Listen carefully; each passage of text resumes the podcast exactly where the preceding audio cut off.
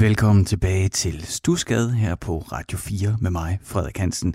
Stusgade-programmet, hvor jeg får lov til at dykke ned i den musik, der har formet mig. Måske den musik, der har formet dig.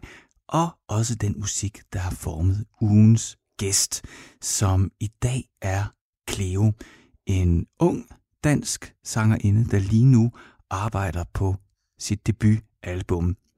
Jeg hørte hende første gang som en del af pigegruppen Ida Red – men nu er hun altså i gang med sit debutalbum, og her er en øh, live session med et nummer, man nok godt kan forvente kommer til at være på hendes første plade.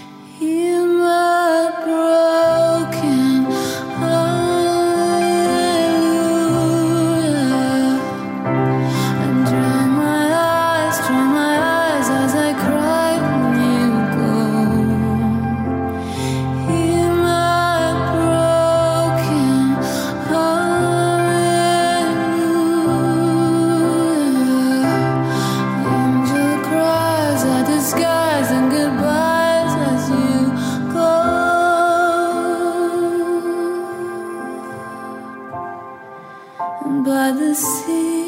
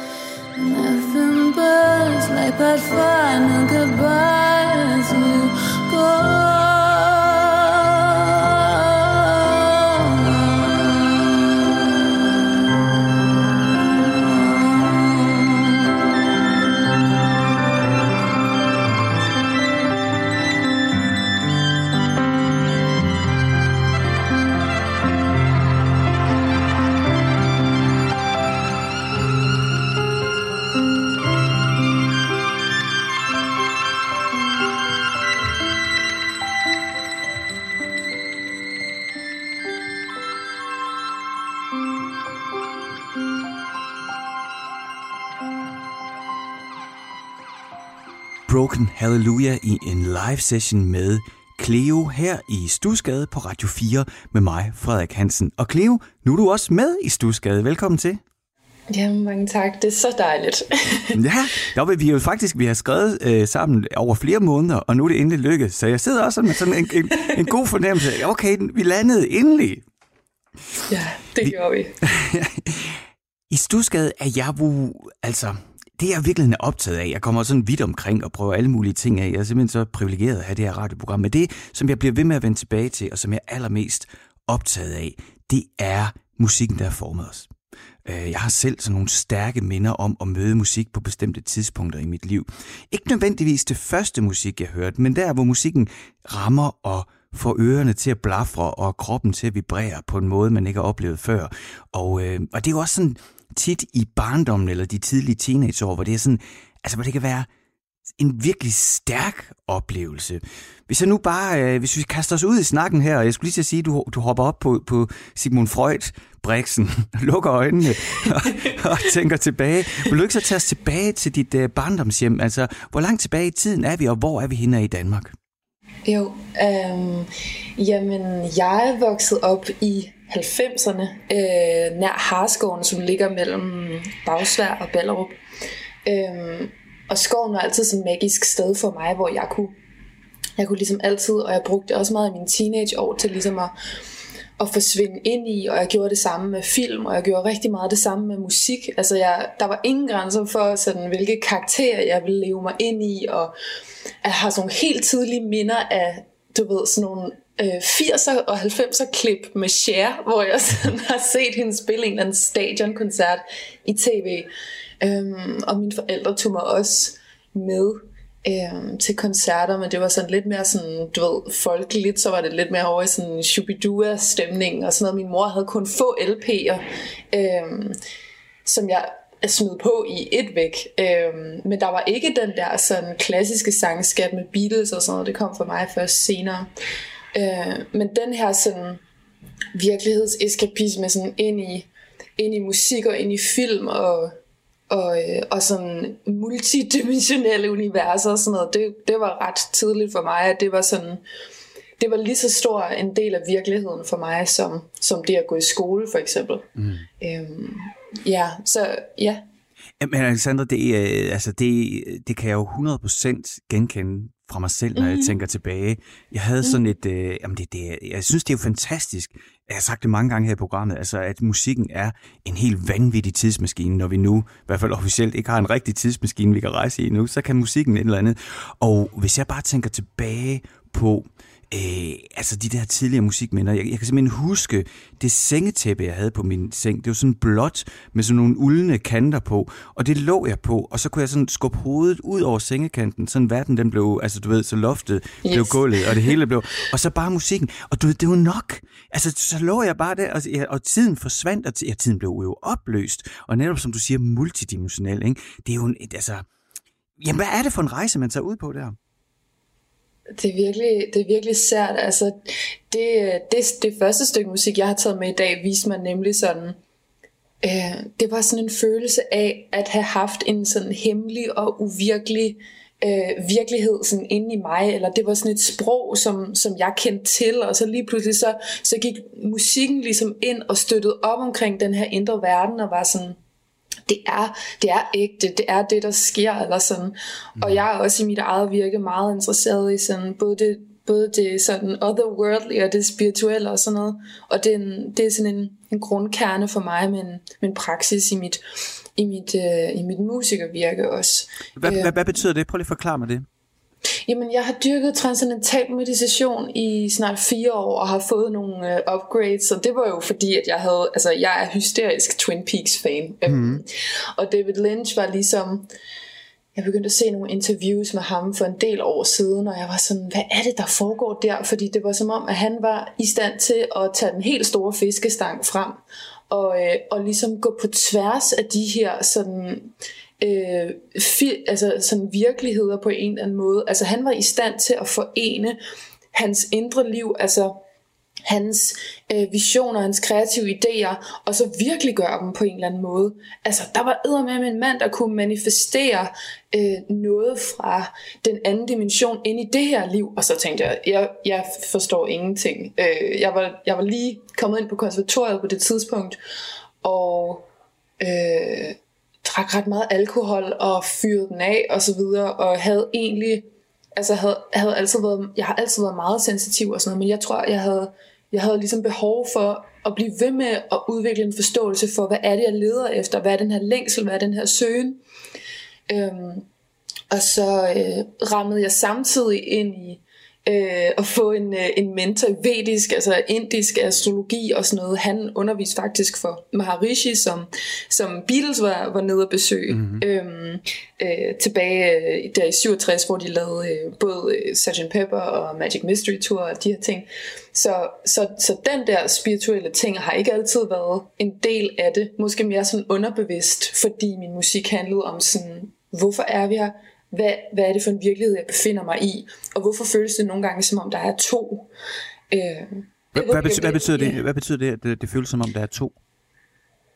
Øhm, det føles lidt som om, at, at jeg kunne have en slags vision omkring, hvordan tingene i virkeligheden var, og skønhed kunne afsløre sig i i, øh, i mit indre system, altså da, da jeg var barn og for eksempel havde en, en på nogen måde udfordrende opvækst, hvor jeg ligesom ledte efter mening, fordi at, at det var et, et svært sted, jeg var i, også følelsesmæssigt. At sådan, så er det jo så er det så det der klassiske spørgsmål, sådan, hvordan, hvordan jeg kan ligesom hæve mig op til et niveau, hvor, hvor livet er så smukt, som alle andre fortæller om. Mm. Øhm, så, og, og det her, sådan, det der med, at der er to virkeligheder, det var nemlig en virkelighed, når jeg så film, altså når jeg sad og så de her sådan kæmpe grandio, grandiose sådan, uh, 90'er, uh, 90'er film, uh, uh, hvad hedder det, for eksempel uh, Romeo og Juliet og sådan noget. Mm. Og, så, og så når jeg gik ud i min egen hverdag, eller sådan, jeg, jeg havde tit sådan en, åh, jeg, jeg havde bare lyst til at, at tage, tage kunsten med ud i livet, eller sådan, og, og da jeg fik en iPod for første gang, og også jeg havde en time hver vej til gymnasiet, så var det jo også bare, altså alt fra øh, Led Zeppelin og, og, og Pink Floyd, og altså du ved sådan, hele, hele Beatles-kataloget og sådan Det var som om, at det var en virkelighed, og jeg havde ligesom lyst til at forene den tryghed og det, det der multidimensionelle, som du også taler om, det der med hovedet ud over sengen, mm. hvordan kan jeg tage det med ind i mit liv? Ja. Det er, det er, det, der er mange ting, du siger, som øh, jeg er meget optaget af frekvenser. Det har lytter af programmet også flere gange hørt mig fabulere om, hvordan jeg tror på frekvenser og strenge indeni. Øhm, og og det, det er jo ikke altid alle, man lige kan dele det med. Øhm, men det der med at have en barndom, der er svær, hvor at kunsten og filmen, og især musikken måske, også altså, at bliver en parallel verden, som på egentlig på ingen måde har noget at gøre med ens hverdag, men man eksisterer lige meget i begge dele. Det kan jeg i den grad øh, genkende. Hvad var det ved din øh, opvækst, du synes, der var svært?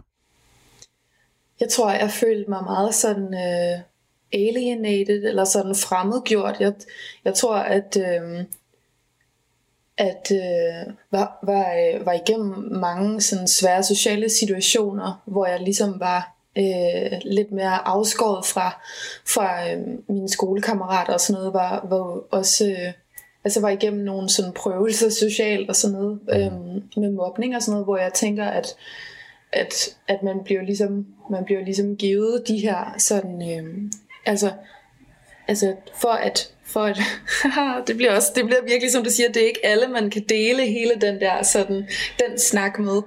Men jeg tror øhm, det var det var i hvert fald for mig noget som skulle være med til at forme at at den her søgen, altså grund til at jeg søger er netop fordi at det der er foran mig lige nu, der må være mere mm. end, bare, end bare det her. Ja. For jeg følte mig sådan, som menneske, eller sjæl, eller hvad skal man sige, som barn, det, det, man, man har ikke noget ord for det. Jeg følte mig større end det, der foregik rundt om mig. Mm. Altså, jeg så mere skønhed, end, end, jeg, end jeg mødte på en eller anden måde. Det er lidt svært at forklare. Øhm, ja, men, men altså, kan, man, kan man også tolke det til, altså på den ene side, så kan man sige, at hvis man søger skønheden og smuk, altså det, det ja, ja, skønheden er egentlig virkelig et, et, et godt ord, og finder den, altså skønhed sådan på godt og ondt, ikke? med alt hvad det indeholder, og finder den i en fiktionel verden, som musikken jo også er. Det er jo en, kan man sige, en fiktionel verden. Det er jo i hvert fald nogen, der fortæller en historie, enten med instrumenter eller ord, eller begge dele på samme tid. Altså det er jo også, men det er jo også en virkelighedsflugt, er det ikke? Det tror jeg på mange måder, det er, men jeg, men jeg det, det, det, er der, hvor, det er der, hvor der opstår sådan lidt et gap imellem. Sådan, nogen vil sige, at det er en virkelighedsflugt, andre vil sige, at det egentlig bare er, at, øh, at, at det andet lag af virkeligheden kommer mere og mere til syne. Mm. Altså det, som er nu gået tabt i vores sekulariserede kultur og så videre, ikke? At, at vi ligesom ret fremmedgjort over for det spirituelle på mange måder. Det er ved at komme tilbage nu, det er ved at komme, ja. der er ved at komme en, en større kollektiv bevidsthed omkring, okay, der foregår altså noget, som ikke bare er lige nede på Købmagergade, eller du ved. Mm. Øhm, ja. Jeg er, øh, jeg er vokset op med en mor i ascendanten, skulle jeg til at sige. Altså min mor, øh, nu er hun her ikke mere, men, men altså, hun var i den grad gearet til det alternative. Også, synes jeg, når jeg kigger tilbage, helt ukritisk. Det siger jeg slet ikke, du er. Men jeg er meget nysgerrig på, på omkring det her transcendentale. Det vil jeg gerne uh, tale lidt med dig om. Men, men jeg, jeg, jeg danner lige... Jeg, jeg, jeg, du giver meget, så synes jeg også, jeg bliver nødt til at give noget. Jeg er vokset op mm. øh, i et øh, lydstudie med en far, der er heavy metal producer, så det var ligesom det, han gjorde, og så en mor, som øh, havde 4 gange 8 meter øh, selvhjælp, astrologi og udviklingsbøger. Og øh, hver eneste gang, at... Øh, hver eneste gang, at... ja, prøv at høre. Der står, altså efter hun døde, vi har pakket det hele i flyttekasser. En dag, så åbner jeg de der kasser. Altså, der er, der er et helt bibliotek. Et helt selvhjælpsbibliotek. Nå. Wow. Men hver eneste gang, at jeg mødte nogle nye, eller øh, også sådan i, på et tidspunkt begyndte at få kærester og sådan noget. Så det første, hun spurgte om, det er, hvornår de fødselsdag. Og når, hvis jeg så, øh, altså du ved, næste men ved du, hvor de er født? Ved du præcis, hvilket klok- klokkeslæt de er født? Og det er bare sådan noget, jeg er vokset op med som en naturlighed. Nej, at det var bare, du ved, nå jamen, altså hun er jo tyr, men har fisk i ascendanten. Og, så, og, du ved, og det var bare sådan noget, du ved, som jeg som otteårig sad og talte med min mor om. Og, tog, og så på et tidspunkt, så i mit voksenliv, der blev jeg jo så uddannet journalist, og der kommer jeg jo, det, det er jo en verden, på journalisthøjskolen, der er der bare overhovedet ikke plads til ting, der ikke er målbare. Øh, så der på, på en eller anden måde, så, så var jeg en fase i mit liv, hvor jeg forkastede det, og hvor jeg kan mærke nu, at de seneste, altså nu er jeg 45, ikke, hvor de seneste sådan 4-5 år, der skete sådan mange kriser i mit liv, så der er begyndt at være mere åben over for det, jeg egentlig voksede op med. Ikke, at jeg køber og sluger alt råt, men jeg siger bare, at jeg er med på den der, at der foregår nok mere end lige, hvad der foregår nede på Købmagergade. Og jeg kan ikke lade være med at tænke, at at vi er i en situation lige nu, hvor, hvor vi måler alting og vejer alting, og så analyserer vi ud for det, og det er ligesom vores sandhed. Men der har jo været mange steder i menneskets historie, hvor vi har haft en endegyldig sandhed. Sådan er tingenes sammenhæng. Og så går der 100 år, så finder man ud af, nå nej, så var det ikke alligevel. Ikke? Så jeg tænker også, mm. måske er der noget på vej. Hvad tænker du? Mm. Det tænker jeg helt sikkert, du har ret i. Og jeg synes, det er sjovt med den der bevægelse, du beskriver med, at man ligesom man vokser op, man har en anden form for sådan, øh, man har en grundkerne og nogle ting, som, som foregik, da man var barn, mm. øh, som ligesom definerer, øh, ja, den, den første oplevelse, man havde, eller de første måske 10-20 år af livet, eller sådan noget. Og så går vi ligesom ud i verden, og så begynder vi at spejle os og reflektere os i verden, og sådan, hvordan, hvordan gør andre, hvordan, altså, for kun at lave den bevægelse og ja. vende hjem igen, altså bøje, bøje tilbage igen. Og jeg kan mærke i hvert fald selv, at nu, hvor jeg er gået i kast med at, øh, at, at skabe nogle ting, som, som, øh, som snart skal udgives, at jeg går fuldstændig tilbage til mine gamle helte, altså, mm. og til, øh, og til øh, ja, til, til, til den her sådan, altså de her øh, idoler, jeg havde som, mm. som barn, og, og de samme værdier igen også, og bare sådan, jo mere jeg kan komme ud i skoven, jo federe er det. mm. Alt det her. Jeg laver lige sådan en uh, service announcement til lytterne, fordi det har min redaktør sagt, jeg skal huske at gøre. Så jeg siger lige, du lytter til Stusgade på Radio 4 med mig, Frederik Hansen, og min gæst Cleo. Og hvis du tænker, at uh, der ikke plejer at være uh, alternativ radio og uh, spirituel radio uh, på det her tidspunkt, så er du ret. Det er, det er et musikprogram. Vi er bare lige sådan... Vi, jeg tror lige, vi fandt et fællesskab, og så sendte vi ud af en tangent. Og det, det er jeg rigtig gerne... Uh, altså, vi skal jo også frem til, at vi skal spille et stykke musik, som repræsenterer øh, der i barndommen, hvor du rammer, hvor der er noget musik, du hører, som lige pludselig gør, at musikken træder frem og gør noget særligt ved dig. Men jeg er simpelthen så nysgerrig på det der transcendental meditation, for det er jo også sådan noget, der har, øh, altså der har en skyggeside, ikke? Altså der er noget kultisk omkring det. Mm, det tror jeg, der er mange, der tror. I ja. virkeligheden er det en praksis for mig, som, du ved, jeg tog et sted hen, jeg lærte det, jeg tog hjem igen, og i princippet kunne jeg sidde to gange 20 minutter i min seng øh, på Nørrebro, og så bare gøre det. Mm. Øhm, det er ikke noget, der sådan på den måde hverken involverer et fællesskab, eller noget, man skylder nogen andre, eller sådan. Det er ligesom bare det, det er bare et valg, og for mig blev det meget ligesom at børste tænder. Altså jeg havde ingen intention om at tage afsted, og så skal jeg gøre det her øh, to gange 20 for, for resten af mit liv, og lige i øjeblikket, fordi jeg har lært flere teknikker, så har jeg bare skruet op for, for tidsrammen af det. Øhm, så det her sådan kultiske, jeg tror også, hvad sker der, når, når man nærmer sig stillhed, eller sådan, det er også, der foregår jo sindssygt meget i vores verden. Mm. Så for mig var jeg faktisk også lidt bange for at lære det, fordi hvad er det for noget, og sådan lukke øjnene, så bliver det jo mørkt og sådan noget. Ja. Og så finder man ud af, når man går ind helt ind til, til det der unified field, eller når man går ind til, til det der nulpunkt, at så er der så meget lys. Det er helt vildt. Mm. Øhm, så det er faktisk, altså, når, når du siger kult, så tænker jeg religion, og så ja. tænker jeg sådan forsamlinger, som på en eller anden måde binder sine medlemmer. Og det har jeg oplevet øh, meditation være det modsatte. Og tværtimod har jeg selv begyndt at opsøge folk, som, som selv praktiserer det. Min mor har begyndt at praktisere det, min søster, fordi de kunne mærke, hvor, hvor voldsomt, altså hvor stort et, et smukt skift, der sker, øh, når stress ligesom begynder at blive skyllet ud af nervesystemet. Det er i hvert fald sådan, jeg selv har mærket det. Det kan godt lyde meget øh, helseagtigt, mm. når man lige siger det på den måde. Ja. ja. Men det lyder samtidig, synes jeg også, du forklarer det meget pragmatisk. Og jeg sidder og tænker, mm, det kan godt være i, i den bevægelse, jeg ligesom er i gang med lige nu, sådan tilbage til der, hvor jeg kom fra. Det bliver nok noget, jeg bliver nødt til at kigge på igen. Cleo, jeg vil gerne have, at øh, du lige tager øh, virkelig i hånden og så tilbage til der, hvor øh, du hører et stykke musik, som lige pludselig gør noget særligt ved dig. Hvad sker der? Okay. Um, du kender sådan følelsen af, at det er sommer. Klokken er 4 om natten, og du kan se stjernerne udenfor, og det er sådan lige ved at blive lyst igen, og det bliver aldrig rigtig mørkt i juli måned. Mm. Øhm, men jeg er sammen med mine forældre øh, i mit øh, barndomshjem i vores hus. Jeg er ved at pakke en kuffert, eller min mor er ved at pakke min kuffert, tror jeg. Jeg er ikke så gammel på det her tidspunkt. Øhm, og så kommer der simpelthen noget ud af radioen, altså. og, øh, og der kan jeg bare huske, at der var sådan en, det var nemlig på samme måde den dimension af virkeligheden, der bare åbner sig op. Øh, så det her, det er et moment, der ligner mange andre momenter fra mit liv, hvor jeg drømmer mig fuldstændig væk. Mm. Øhm, men det er, øh, det er et stykke musik, der reflekterer det her øh, nattens mørke og mysterium og spejler den der, det var bare den der ultimative resonans af længsel og hemmelige, hemmeligheder og sådan. Og det, det, lyder, det lyder som et sindssygt stykke musik. øh, det lyder sådan fuldstændig overjordisk.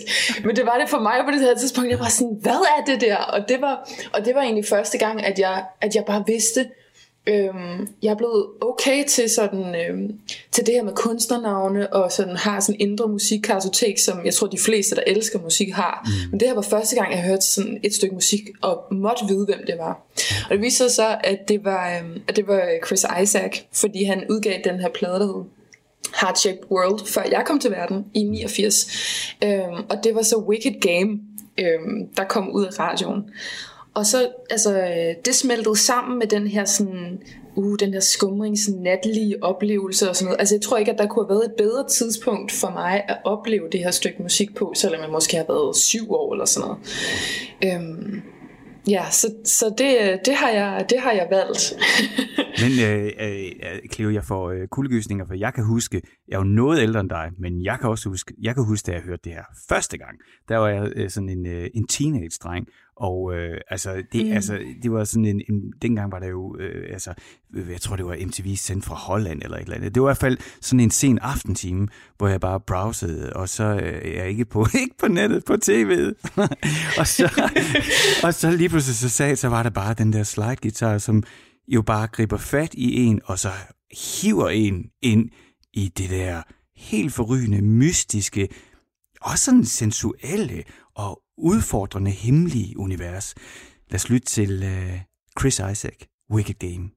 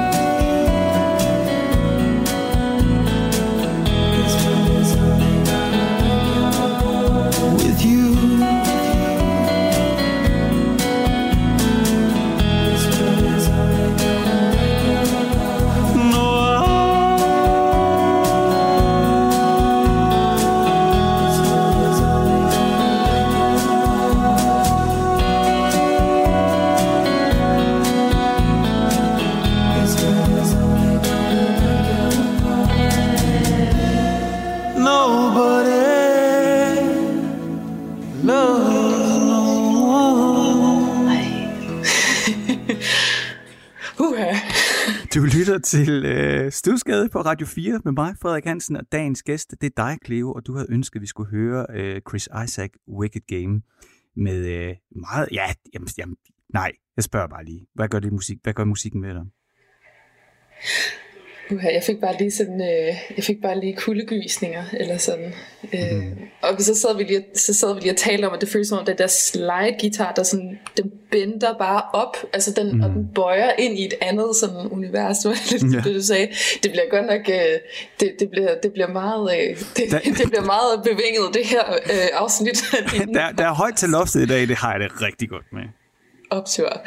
Fedt. Ej, jeg synes, det er, det er så vildt, og på mange måder for mig er det her med, at Altså, så, så det her et nummer, der også sådan afspejler hele 90'erne, og på mange måder sådan lænder sig ind i andre ting, som jeg også har hørt og elsket. Altså hele det her Massey Star og Jeff Buckley og sådan Uha og Nirvana. Jeg, jeg stod, stod nemlig imellem, fordi jeg havde også en ret anden sådan uh, peak-oplevelse, øh, hvor jeg sad med min morfars headphones og oplevede øh, MTV Unplugged øh, versionen af, af Nirvana. Øh, så det stod lidt imellem, mm. imellem den oplevelse og så, og så Chris Isaac her øh, klokken 4 om morgenen. Mm. Øh, ja, jeg, jeg bliver virkelig bevæget, fordi for mig, så, så det, det, det er nærmest sådan en, Ja, det, det er sådan en helt æra, som, som det her melder sig ind i sammen med nogle andre sådan mastodonter Jeg får sådan helt, uh!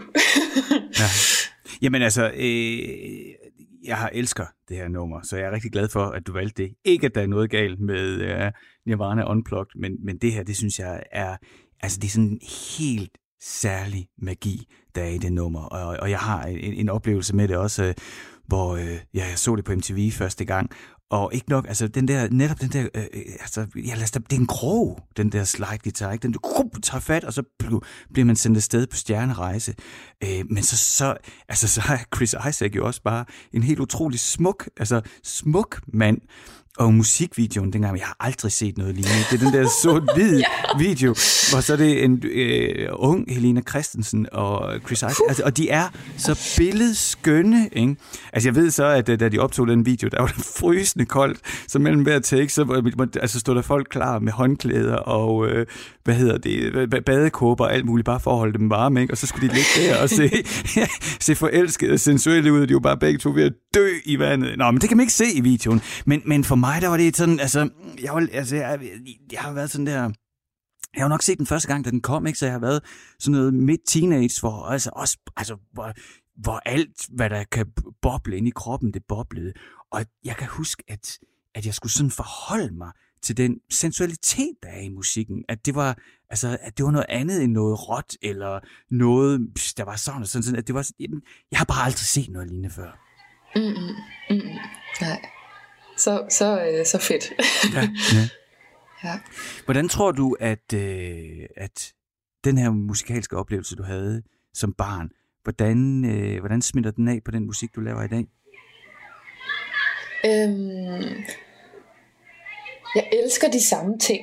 Og så snakker vi om det der med at lave den der cirkelbevægelse, at jeg går ud af mit sneglehus, og så, og så går jeg ligesom cirklen rundt og oplever en masse ting og spejler mig i andre, og, ej, og at det, jeg er blevet givet, at det er godt nok, og kan det overhovedet noget, og hvordan kan jeg sætte det i kontekst til det, som jeg elsker, og så er man ligesom Mm. Så begynder man at gå, gå tilbage hjem igen og finde nogle af de her ting frem. Altså det, som jeg lyttede helt vildt meget til i mine, øh, altså sådan for, for, mens jeg voksede op og boede hjemme, og der på vej til gymnasiet, ud over hele det der 70'er og 60'er katalog, det var sådan noget, øh, det var Coldplay, og det var Gorillaz, og så kom øh, Lana Del Rey for nogle år siden, det var så sådan en kæmpe ting. Mm. Øhm, og jeg, ja, altså, det var vidderligt bare det her med, at hvis jeg, jeg kan godt, jeg, jeg må gerne tage sådan alt, jeg elsker, alle de her virkemidler, altså de her sådan øh, guitar-ting, som vi også kommer til at høre lidt senere, det må jeg gerne tage, og så bare putte det ned som sådan en potpourri, og så, øh, og så, og så vil det bare bruge de her referencer så meget som muligt. Altså, jeg havde engang en underviser, der fortalte mig, da jeg sad og kløede mig i nakken, og var virkelig øh, på barbund omkring et, øh, et, øh, et, et nummer, jeg var ved at skrive på guitar, så sagde han, prøv at høre, du, du, du, du bliver nødt til at slippe den her sådan idoldyrkelse, altså den her romantisering af, at, øh, at det der med at have musikalsk talent, øh, jeg kommer fra en familie, hvor øh, musik, det er noget, vi gør, når vi har talent, i stedet mm. for, øh, Hvad, hvad, betyder det? Ja, ja, okay, prøv lige at forklare mig det, det vil jeg gerne høre. Jamen, det var sådan lidt en romantisering af, at at der var ligesom de her beacons, der var ligesom de her store kunstnere, og min morfar var pianist, jeg voksede op i et hjem med klaver og så videre. Øhm, og han øvede sig, da han var ung, 16 timer i døgnet, men plejede også det, det kære væsen. Han, åh, det, det er virkelig hjerteknusende at, at tænke tilbage på, at han sagde, at jamen, jeg havde jo aldrig rigtig talent. Øhm, og det, og det tror jeg simpelthen ikke er, ikke er sandt. Altså jeg tror, at hvis vi, vi ønsker noget brændende i det her liv, så er det fordi, at det, at det er meningen, at vi skal, at vi skal have det. Altså, så, så det, det tror jeg simpelthen, at det er, også, det er også bare en indsigt, der er kommet senere for mig, at altså, det der med at kritisere så voldsomt, det, det, det, det behøver jeg slet ikke at beskæftige mig med. Det er en, det er en fejlagtig dimension af, af skabelsesprocessen. Eller sådan. Ja. Øhm, men den her idol heldegørelse, idoldyrkelse, romantisering af den lidende kunstner, alle de her ting, som jeg er lidt vokset op med ved at have nogle utrolig sådan voldsomme idealer for, hvornår er man værdig til at skabe, hvornår man, mm. alle de her ting. Øhm, det, det følte jeg ligesom, at jeg, at jeg senere, og især med at, at være i, i kærlige miljøer, øh, konservatoriet, jeg har været i et øh, dejligt band tidligere, har skabt musik med alle mulige, og co-writet en masse og sådan noget, at okay, når man begyndte at spejle andres processer og sådan noget. Øhm, jeg kan ikke engang huske, hvad det var, du, du initially spurgte om nu, faktisk. jo, ja, jo det, var fordi, du, det var fordi, du fortalte om, at derhjemme, at der var den her idé om at, at være et talent. Og det er det, du forklarer lige nu om, altså den her, at om, altså, som jeg hørte lidt, så, så er det, om man lider nok for kunsten, og om man er, sådan særlig udvalgt, og man har sådan en, en mm. helt særlig gave i forhold til talent, hvor jeg hørte dig sige, jamen altså, hvis det er det, du vil, og hvis du er i gang med det, jamen så er det fordi, du skal gøre det. Altså så, så er alle de der abstraktioner og refleksioner sådan set ligegyldige, fordi du er jo i gang. Er det rigtigt forstået? Ja, så, så godt recap. Jeg kunne ikke have sagt det bedre selv.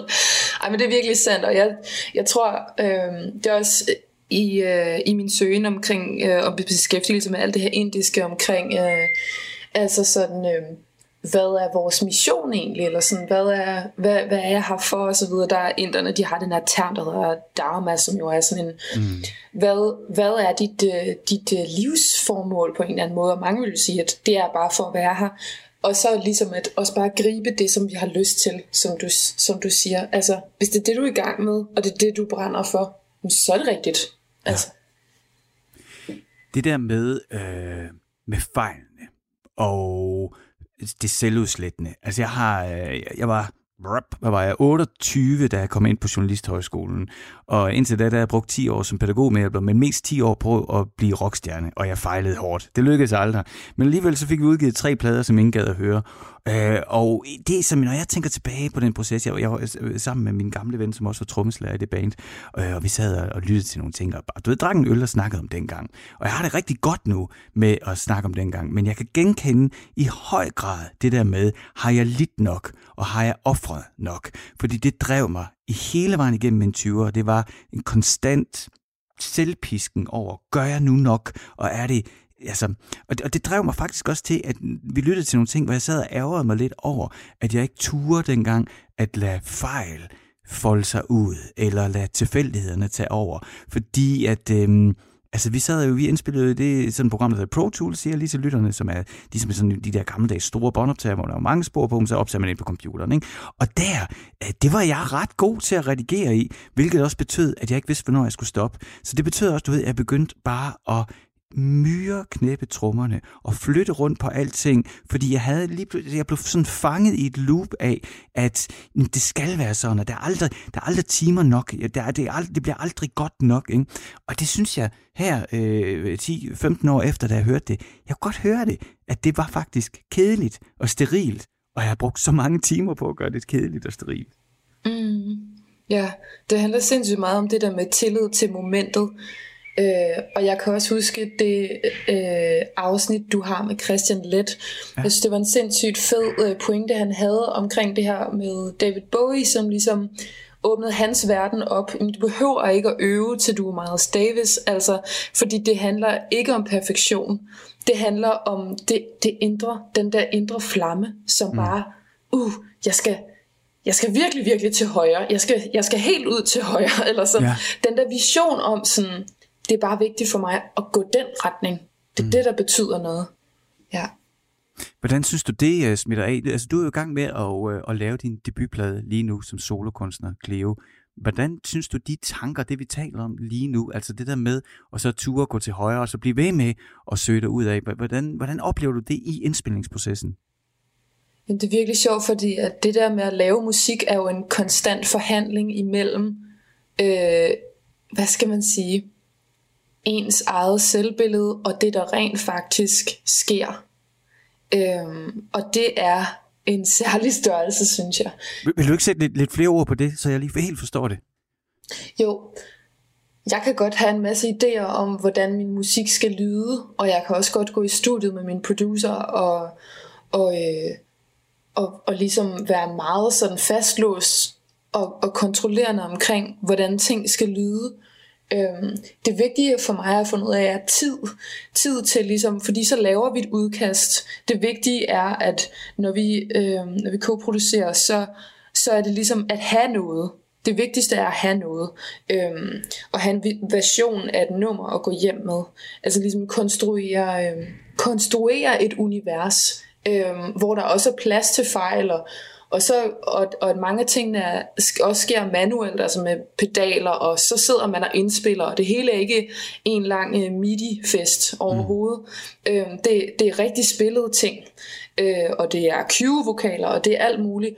Sådan, så jeg kan begynde at vende mig til, at, at der netop, det er så vigtigt med, med, øh, med plads mellem linjerne.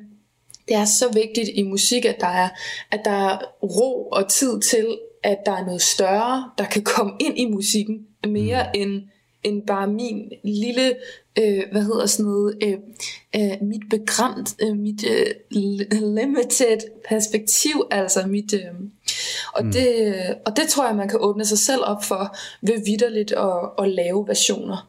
Det, øh, det synes jeg er spændende. Cleo, så bare så jeg forstår det. Ikke? Så, så, nu bruger jeg lige mig selv som eksempel. Nu fortalte jeg om, hvordan jeg ligesom arbejdede med musikken. Det var, at jeg havde en klar idé inde i mit hoved om, hvordan det skulle lyde, og den forfulgte jeg ned til millimeter præcision, så der ikke var plads til, øh, til andet mellem linjerne. Men det du siger, det er, at i indspillingsprocessen, så har du måske en idé, en vision, men du ved også, at der skal, der skal være luft, og der skal være plads til i processen, at andet opstår. Er det rigtigt forstået?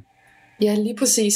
Det er for mig ligger, fordi at jeg har altså virkelig arbejdet utrolig meget med at løsrive mig fra den her, den her sådan, øh, forankring i øh, i specifikke elementer. Nu nævnte du trommer før, for eksempel.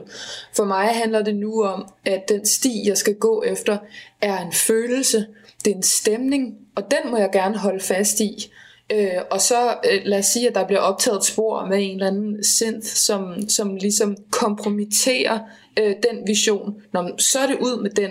Men, fordi at visionen og, og stemningen og følelsen hovedet over sengen, det, det er den følelse, der er, der er vigtigst. Men så snart jeg øh, binder mig til at forankre mig i i de her jordiske elementer, altså sådan, øh, at det skal lyde sådan her, og have de her elementer, og det skal ligesom, så, øh, så er jeg på afveje. Fordi det, mm. det er bare ikke altid op til mig, øh, hvordan ting sker. Øh, altså rækkefølgen. Jeg bliver også nødt til, at øh, det er fedt for mig at arbejde sammen med andre, fordi det gør ligesom, at jeg, jeg kan, så er der nogen lidt til at, til at, til at ruske lidt i det og tage mm. røven på mig. Fordi jeg kender bare ikke altid rækkefølgen af, Nej men, men, men, men hvordan ved du så, hvornår du er færdig med et nummer? Ja, yeah, det har jeg jo stadig til gode om lige, kan man sige. øhm, jeg tror, øh, når man har lyttet til et nummer et eller andet 10-20 gange, og man, og, og man holder op med, at øh, når øret holder op med at være irriteret, eller altså når du begynder at have en helhedsoplevelse af, hvis du kan gå ned af, øh, øh, af Frederiksberg en eller anden solskinsdag eller et eller andet, og så, og så lytter du til det.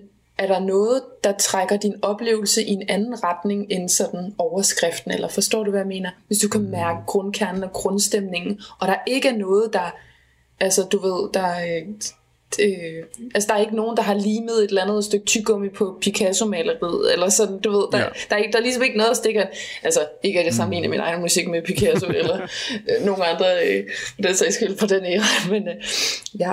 Ja, okay. Nej, det tror jeg, jeg, tror, jeg, jeg tror, jeg begynder at, at forstå det.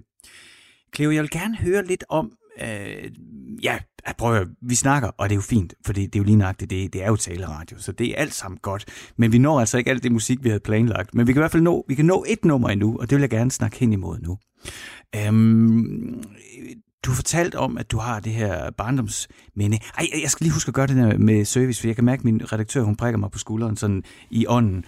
At, øh, du, du lytter til Stusgade med mig, Frederik Hansen, her på Radio 4, og øh, gæsten er Cleo, og vi taler ret meget om det spirituelle i musikken, og, og, og arbejde alternativt med musikken, har vi lige været inde på her. Eller i hvert fald give plads til, at der er andre end en selv, der har indflydelse på, øh, hvordan musikken skal lyde. Du fortalte os om, at øh, du var barn, og pludselig så, øh, så kommer Wicked Game med Chris, øh, Chris Isaac ud af, af radioen, og så, øh, så må du bare vide, hvem er det? Ikke? Og det er altså, du er sådan 7, 8, 9 år, og du skal bare, du bliver nødt til at finde ud af, hvad er det her? Og det er jo fordi selvfølgelig, at det rammer og får dig til at vibrere på en eller anden måde, som du ikke kan forklare med, når man nu er i den alder. Men øhm, på et tidspunkt tager du så beslutning om, at du selv vil lave musik. Kan du prøve at tage os tilbage til, er der sådan et, et øjeblik, eller en periode, eller noget, der ligesom gør, at du tænker, det er det, jeg skal?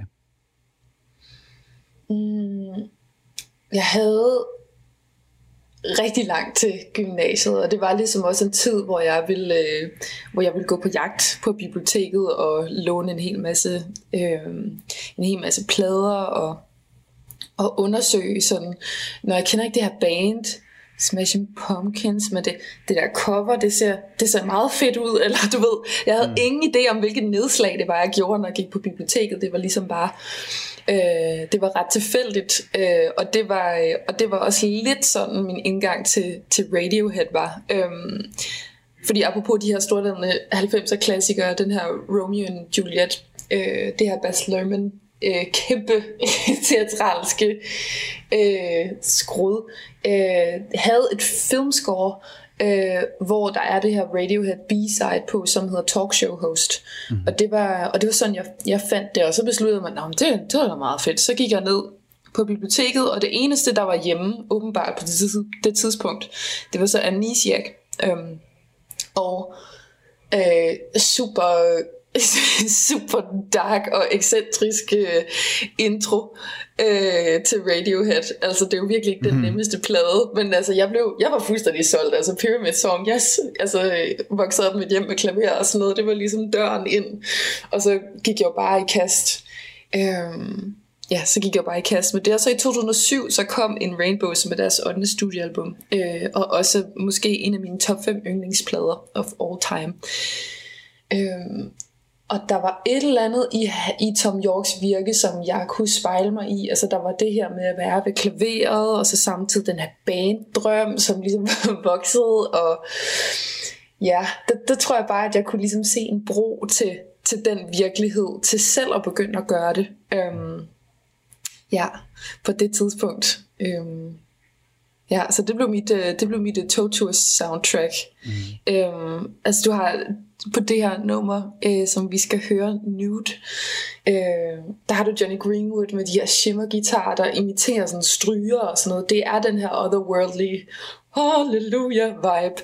Øh, og så samtidig øh, helt nede i, øh, øh, i minus 8. etage, altså Tom York, der er helt, helt nede og meget intim og dark, så der er både det her, der er det her spand, ikke? altså det der med træet, der har rødder i helvede og går ind i himlen, og følelsen, ikke? Mm. Igen. Øhm, ja, jeg følte mig meget, øhm, jeg følte mig meget set med den her plade, eller sådan, øh, det, det tror jeg, der var mange, der, der gjorde, og jeg synes, at det er super smukt, at man kan have de her helt bare elementer, de her trommer, der er bare sådan helt tørre, og så kombinere det med sådan nogle, med de her øh, våde guitarfiguren. Det synes jeg er så smukt. Mm. Cleo, tusind tak, øh, fordi at du var gæst her i Stusgade. Øh, vi runder simpelthen programmet af at spille øh, Radiohead Nude, men, men jeg vil lige sige øh, ordentligt farvel til dig. Tak for din tid, og tak fordi du delte øh, din fortælling. Og så har jeg det sådan lidt, eftersom at du er i gang med at lave din debut lige nu, så kunne vi jo godt tage en snak til, tænker jeg. Altså, jeg har lidt som om, at vi bare lige vi har, vi har pillet de øverste lag af, eller er det mig, der er helt gal på den? Ej, det er det overhovedet ikke. Og jeg, jeg, har, jeg har jo bare lavet sådan en lang liste med ting, som jeg var i tvivl om, om jeg skulle spille. så det bliver bare så gerne. Men så synes jeg, at vi skal aftale, at, øh, at du lige tager fat i mig, når debuten er klar. For så kan vi tale om det, og så kan vi tage øh, andet kapitel i vores snak. Cleo, tusind tak, fordi du var med i Stivskade. Jamen tak, Frederik. Det var så hyggeligt. Det var virkelig fedt.